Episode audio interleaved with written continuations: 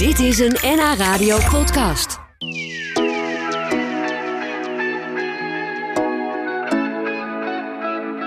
Onze lunchgast vandaag die is net binnengekomen. Dat is Chris Warger uit Uithoren. De bedoeling was ooit dat hij zijn vader op zou volgen in de verfgroothandel. Maar het liep allemaal anders. Hij ging de muziek in en, eh, en nu eh, is zijn eerste album uit... met de, wel de toepasselijke titel Uit de verf. Nou, dat, dat vind ik dan weer humor. Welkom Chris. Dankjewel, dankjewel Patricia. Heb je daar lang over na moeten denken over die titel? Nou, eerlijk gezegd was dat uh, de missie toen ik begon met muziek maken om dit album te maken. Dus nee, daar heb ik niet lang over voor na te denken. Oh, oké. En de, de, presentatie was afgelopen weekend, hè? Ja, ja. Met een optreden in Klopt. Bitterzoet. Ja. Hoe ging het? Fantastisch, ja, was echt heel erg gaaf. Um, het was bijna vol, dus dat vond ik best wel een eer voor een onbekend artiest. En, uh, Zeker. Er waren heel veel uh, lieve en uh, vrolijke mensen en uh, ik had een goede liveband. Het is een mooie plek.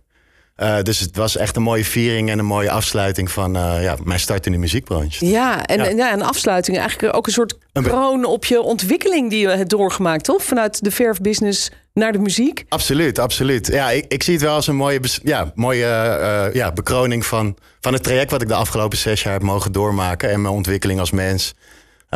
Ja, heb ik mooi kunnen onderstrepen zo en hopelijk is het een mooi startpunt naar, naar de toekomst. Ja. was het spannend om op te treden? Want je staat daar dan wel voor het eerst met jouw muziek voor een publiek. Ja, dat was wel spannend, uh, absoluut. Maar we hadden goed, uh, go- goed gerepeteerd en uh, we hadden heel veel dingen goed voorbereid, waardoor ja, daardoor heb je gewoon meer automatismes en dat scheelt gewoon wel een hoop, denk ik. Ja, ja. daar kun je dan op terugvallen Ja, eigenlijk. dat is wel heel belangrijk, want het was wel als een waas, zeg maar. Het, het Ja. wel aan je voorbij. Ja. Ja. En wat ik leuk vind, eh, mensen die meekijken via de webcam, die kunnen het zien. Je hebt ook een heel kleurrijke outfit aan. Het, Ja. Volgens mij eh, is kleur heel belangrijk bij jou. Misschien omdat je uit die verfbranche komt. Ja, ze- zeker voor dit album. Kleur sowieso. Denk, ik denk dat kleurrijk uh, is sowieso mooi. Mensen die kleurrijk zijn, brengen hopelijk een beetje extra in het leven. En in dit specifieke geval, de trui die ik aan heb, dat, is, uh, dat zijn foto's van de vloer die hebben we gemaakt voor, voor het artwork vanuit de verf. Ah, Dus zeg maar vandaar dat ik het heb aangetrokken. Oh, Ja, wat ja. geestig. Nou, het ziet er heel uh, mooi en vrolijk uit. En een roze albinootje. Ja. ja je, moet wat, hè? Ja, nee, maar dit is, dit is een beetje jouw nieuwe look dus. Dit hoort bij jou uh, uh, als artiest, denk Ja, ik dan, ja toch? zeker. Nou, deze petten die, die droeg ik eigenlijk altijd al wel vanaf dat ik 12 was. Ik ben inmiddels 39, dus die, die gaan al een tijdje mee. Zo hé. Maar, de, maar zeg maar, de, ja, om, om ook echt zo'n kleur als roze zeg maar, op je hoofd te zetten, Ja. dat, dat heeft wel even geduurd. Ja, ja, ja. Krijg je daar veel reacties op? Ja, je positief. eigenlijk louter positief. Ah, ja, dat ja. is fijn. Dat is mooi. Ja, nee, dat zou natuurlijk ook nog kunnen. Dat je daarvoor voor wordt uitgescholden of zo. Maar je ziet er mooi uit. Leuk. Dankjewel, Je dankjewel. kunt eh, meekijken via de webcam, via nhnieuws.nl. En eh, straks hoor je nog veel meer over Chris Warger uit Uithoren. Die dus eh, zijn debuut maakt nu als rapper. Chris Warger uit Uithoren is vandaag mijn gast. Hij gaf zijn carrière op in de verfindustrie om muzikant te worden.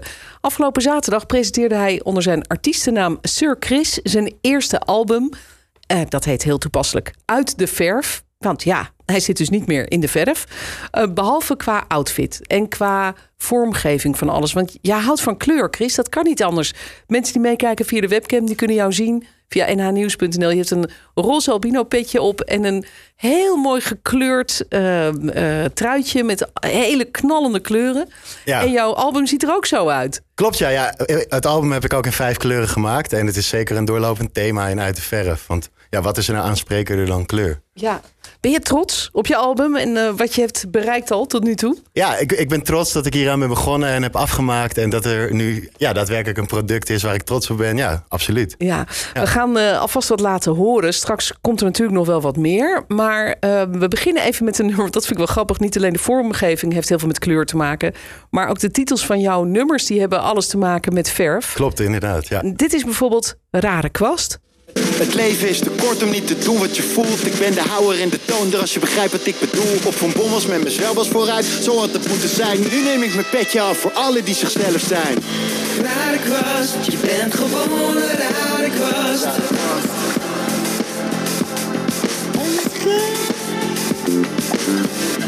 Rare kwast, je bent gewoon een rare kwast. Ja, Rare Kwast. Ja, dat, ben ik wel een beetje. Ja, ben je een beetje een rare kwast? Ja, je moet wel een beetje rek- eh, gek zijn om je carrière overboord te gooien en iets compleet nieuws te gaan doen, toch? Ja, ja Niet zeker. Want, want vertel even hoe dat ging. Jij, jij werkte in de verfindustrie in het familiebedrijf, hè? verfgroothandel. Klopt, ja. Wat- mijn vader eh, eh, is ooit een verfgroothandel begonnen. Eerst onder de naam Wargeverf en later werd dat Pro Coatings. Ik heb daarin verschillende functies gehad. Van filiaal, coördinator tot uiteindelijk adjunct-directeur. En ergens in 2016 liep ik tegen de lamp. En eh, ja, was het wel eigenlijk een beetje klaar met mij. Ik kon, Ja. ik kon gewoon niet meer. Hoe liep jij tegen de lamp? Want wa- wat gebeurde er met jou? Nou, ik verloor mijn spraakvermogen eh, door een, ja, ik denk een interne stress die op, op eh, heeft gebouwd in mijn lichaam waar ik niet van bewust was. En na jarenlang in dat bedrijf te hebben gefunctioneerd en ook in privé heftige periodes te hebben gehad, ehm, ja, protesteerde mijn lichaam eigenlijk en verloor ik van de een op andere dag mijn spraakvermogen. We waren toen in Indonesië bij, mijn, bij de familie van mijn vrouw. En dat was heel eng. Want ja, dan komen de muren op je af en dan ben je eigenlijk gevangen in je eigen lichaam. Wat vreselijk. En hoe, Ja. hoe ging dat dan? Je, je vrouw kwam binnen en zei, eh, wil je mee eten? En, en er kwam niks uit? Of, of Ja, we stonden- voor me zien? We stonden in een mall en eh, ik had al twee keer eerder in mijn leven zo'n soort moment gehad. Dus het was niet helemaal compleet nieuw. Maar je, ja, je voelt als het ware een paniekaanval ontstaan en tintelingen. En eh, eigenlijk voel je je bewustzijn een soort van naar binnen keren. En ja, je kan nog wel denken, maar er komt gewoon niks meer uit. En, en alles is te veel eigenlijk. Het is, het, het is denk ik eh, vergelijkbaar misschien met wat mensen bij een burn-out ervaren. Ja. Ja. ja, zou je het zelf geen burn-out willen noemen? Want je, je Ja. zegt eigenlijk, het, het kwam doordat ik jarenlang eigenlijk al dingen had opgebouwd. Het, het, alsof het elastiekje Ja, een, knapte. een wijze burn-out of een bore-out. Beide zou kunnen, denk ik. Maar Wat is een bore-out? Nou, een, een bore-out is denk ik dat, dat je misschien heel lang iets doet wat je misschien niet ultiem triggert. En waardoor je uiteindelijk eh, eh, ook eh, lam geslagen wordt. Ja, ja, ja. Ja. ja. Dus het is, hoeft niet per se van overwerktheid te komen dat je het op een gegeven moment niet meer trekt. Denk ik. Nee, maar je voelde gewoon dat je niet op de goede weg zat. Het was eigenlijk gewoon niet meer het werk wat je wilde doen. Ja, ik, voelde het eigenlijk helemaal niet. Alleen ja, in ene was het zover. En toen, toen, toen besefte ik me dat, dat ik eigenlijk alleen nog energie kreeg van muziek en lezen en teksten. En, en dat was ook de enige manier waarop ik me nog kon uiten toen. Ja, maar het lijkt me heel beangstigend als je ergens in een winkelcentrum staat in Indonesië en je kunt ja. niet meer praten. Nee, dat is heel eng. Daar heb ik ook een liedje over gemaakt. Die staat niet op uit de verf. Maar eh, ja, het voelt alsof de wereld in elkaar stort. En eh, dat je te ver bent gegaan. En je weet ook niet of het nog goed gaat komen. Ja, Op en dat moment denk je, dat dit is permanent. Ik, ik, ik heb de grenzen zo ver geduwd. En eh, het is nu klaar met mij. ja, kon je het een beetje uitleggen aan jouw vrouw en aan jouw omgeving wat er aan de hand was? Ja, dat is best moeilijk als je niet kan praten. Ja, Maar eh, ja, ja, er was heel veel begrip uiteindelijk. eh, en het heeft ook een tijd geduurd. Ik, ik ben toen teksten gaan schrijven met een vriend van me. En uiteindelijk een opleiding gaan doen voor audio engineer en producer.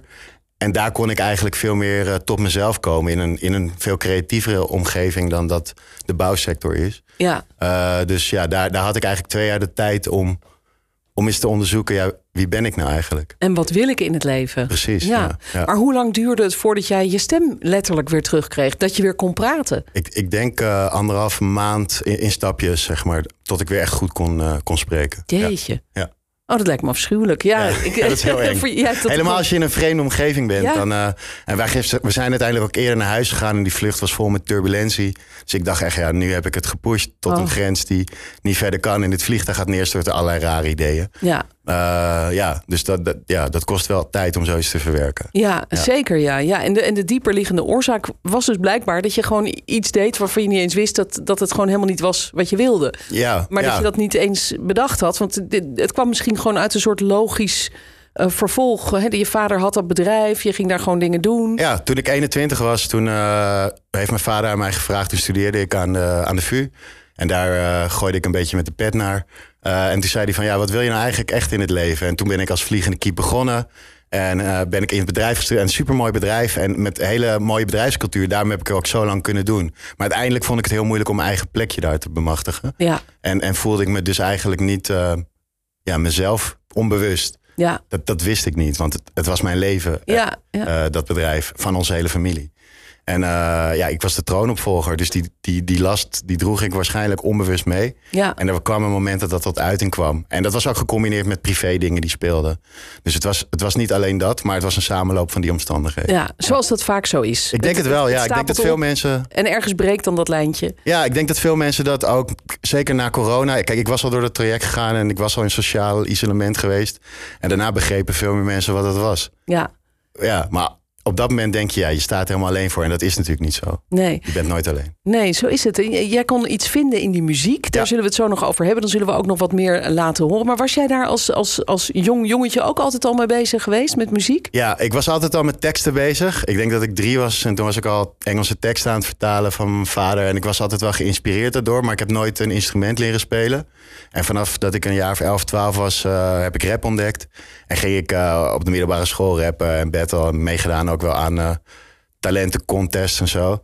En dat was hartstikke leuk. En toen ging ik studeren en raakte ik een beetje de inspiratie kwijt. Kwam ik gewoon in het werkzame leven. Ja. En heb ik wel altijd heel eh, intensief muziek gevolgd. En ik heb ook een hele uitvoerige collectie van, nou, ik denk wel iets van 4000 cd's. Dus echt best wel extreem. Ja. Ehm, maar ja, dat is iets anders dan het maken. En uiteindelijk bleek dat, dat ik dat wilde doen. Ja. En dat heb je gedaan, want Ja. je hebt een eh, album uit. Dat heet Uit de Verf, een heel toepasselijke titel. Ja. En is ook met heel veel kleur en liefde vormgegeven. En dat past natuurlijk toch dan ook wel een beetje bij jouw achtergrond. vanuit zeker. eh, de verfindustrie. We praten er zo nog even over verder. Dan eh, gaan we ook nog wat meer laten horen.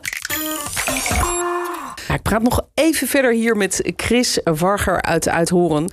Die onder zijn artiestennaam Sir Chris met zijn net zijn debuutalbum heeft uitgebracht. Terwijl die eigenlijk voorbestemd was om de verfgroothandel van zijn vader over te nemen.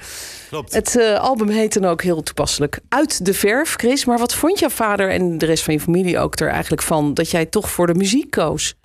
Ja, omdat ik eh, ja, als een eh mak lammetje thuis zat, konden ze best wel begrip opbrengen dat ik mezelf ging zoeken. En toen op het moment dat, eh, dat ik uiteindelijk me aanmeldde bij Abbey Road Institute eh, in Amsterdam om eh, audio engineer producer te worden, toen beseften ze ook van ah, hij, is, hij is wel serieus. En eh, Ja. toen heb ik ook alle support gekregen om, om, om dat te mogen onderzoeken.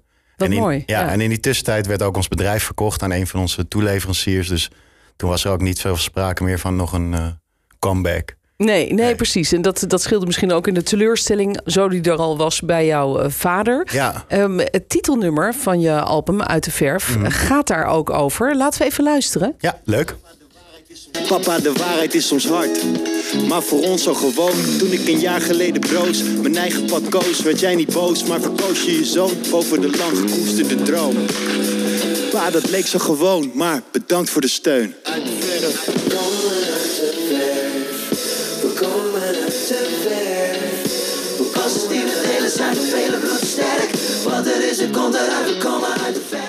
Ja, een heel klein stukje van, eh, van, het, eh, van de titelsong. Eh, jouw vader was dus heel supportive, heel ondersteunend eigenlijk, uiteindelijk. Ja, denk ik wel. Ja, Ja, denk je wel? Ja. ja nou, het was natuurlijk wel moeilijk, want het, het was ons levenswerk en ook zijn levenswerk om dat bedrijf op te bouwen. Dus naar mij toe was hij zeker heel supportive, maar ik denk dat hij achter de schermen wel daar moeite mee heeft gehad om, om dat ja, te verwerken. Omdat ja, uiteindelijk is ook het bedrijf verkocht en ja, dan, dan Ja. het is alsof je je kind dan verkoopt. Dus dat, dat, dat, dat, dat moet eh, best wel moeilijk geweest zijn. Dat weet ik Ja. ook wel uit ervaring. Ja, je, Wat ik heb gehoord. Ja. ja, je hebt er vast nog wel eens met hem over gesproken, toch? Absoluut, ja, ja. Maar het was wel moeilijk ook hoor, want we kregen daardoor best wel vaak discussies over allerlei dingen. En ik was ook gewend om altijd eh, ja, met mijn water langs de dokter te gaan. Want zo was gewoon de hiërarchie ook in het bedrijf. En eh, mijn vader had het opgericht, was succesvol. Dus ik was ook gewend om heel veel dingen te checken natuurlijk bij mijn vader. En daardoor eh, was het wel lastig om in een, in een hele andere situatie te zitten. En we nog wel die behoefte te hebben, maar ook een soort van die onderliggende laag te voelen en discussies zeg maar, met elkaar te hebben over eigenlijk niks. Maar die heel hoog op konden lopen natuurlijk. Ja. Ja. Ja. Ja. maar toch heeft hij je uiteindelijk gesteund. En wat vindt hij van de muziek ja. die je maakt? Ik- Want ik- rap is misschien niet echt zijn ding. Nee, dat is helemaal niet zijn ding. maar hij is het wel eh, gaan onderzoeken op een gegeven moment. En eh, in gaan verdiepen. En Tiny Desk sessies gaan kijken van Big Daddy Kane en eh, Anderson Paak. Nou, dat is meer zang dan rap natuurlijk. Maar eh, dingen die, eh, die wel gaaf zijn. Dus naarmate dat proces vorderde... Ja, vorderde ook zijn begrip voor mij als mens. En ook voor de muziek die ik wilde maken. Dus Ja. dat is heel mooi. Oh, gelukkig. Dus jullie kunnen in harmonie samen nu naar, jullie, naar jouw muziek luisteren. Ja, hij was zaterdag ook en mijn moeder was er ook. Ja? En, eh, en mijn zusje en nou, heel veel andere mensen. Eh, en mijn vrouw. Ja, en, en ik denk dat het een heel. eh, ik denk dat ze allemaal wel trots waren om, om, om dat zo te zien. En eh, dan het allemaal samen te zien komen. Ja, Ja. voor jou dus wel extra spannend, lijkt me. Dat was wel het moment waarop het eigenlijk allemaal samenkwam. En nu moet Ja. je laten zien dat Ja. het allemaal niet voor niks is geweest. Nou ja, het, het was sowieso niet voor niks. Maar het is wel mooi. zoals jij zelf schrijft, bekroning van, eh, van zo'n van zo'n proces, zo'n traject. Ja. Ja, Nou, we laten nog een klein stukje horen van een nummer dat heet MWHB. ja het mo- staat mo- voor... morgen wordt het beter. ik weet niet of dit. NWHB 2.0 is of morgen wordt het beter. Maar geen Even een idee. klein stukje luisteren. Nu is er geen weg terug. Mijn kromme wordt een rechte rug. Niet langer ga ik meer gebukt. Onder de druk van mijn verwachtingen. De haat is niet verachten het. Krampachtig vasthoudend aan de gedachte dat alles vroeger veel beter was. Ik vraag ze beter dan wat en hoor ze denken deze gast. Maar zwijgen is een zware last. Je kijkt me aan en vindt me gek. Ik zeg je ja, ik ben gestoord. Een beetje anders dan de rest. Misschien niet zoals het hoort. Maar ik meen niet de woord.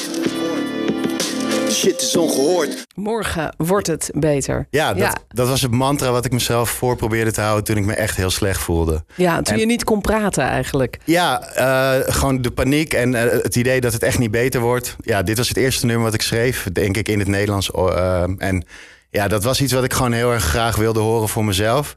En als je het nummer in zijn geheel hoort, dan hoor je ook dat het helemaal open gaat. En dat er een soort van choir en gospel parts in komen. En dan voel je ook echt die verlichting. Ja, oh wat heerlijk. Zoals je die zelf erva- ervaren Ja, hebt. ja. Bijzonder is jouw verhaal natuurlijk wel van iemand die eh, ja, in een soort toch nou, burn-out of bore-out terecht kwam. Ja. Niet meer kon praten en nu dus rapper is. Ja. Want juist dat de taal en het praten zijn dan zo belangrijk voor jou. Ja, dat was heel eng. Ja, eh, om, om dat eh, te verliezen. Maar gelukkig heb ik dat weer hervonden. En ik heb ja, heel veel meters gemaakt in de afgelopen jaren. Want het is ook wel echt een vak, muzikant. En, wel, ja. ja en, en, en ik heb Ja. ook geleerd om op te nemen als audio-engineer en ja, producer. Dus ik heb een hele hoop geleerd. We hebben ook een studio gebouwd. Eh, dus er is, ja, er is een hoop gebeurd in die zes jaar. Dus niet alleen eh, dit album, maar eigenlijk het hele traject is eh, ja, heel inspirerend. Voor mij in ieder geval. En Ja. ik hoop uiteindelijk ook voor andere mensen. Dat zou mooi zijn. Nou, ik vond het een inspirerend verhaal om voor jou te horen. Dankjewel. En ik vond het fijn dat je hier was. Uit de verf, zo heet het album, het debuutalbum van Chris Warger, ofwel Sir Chris. Leuk, dankjewel Chris. Graag gedaan. En heel veel succes. Oké, dankjewel. Dit was een NH Radio podcast. Voor meer, ga naar nhradio.nl. Radio.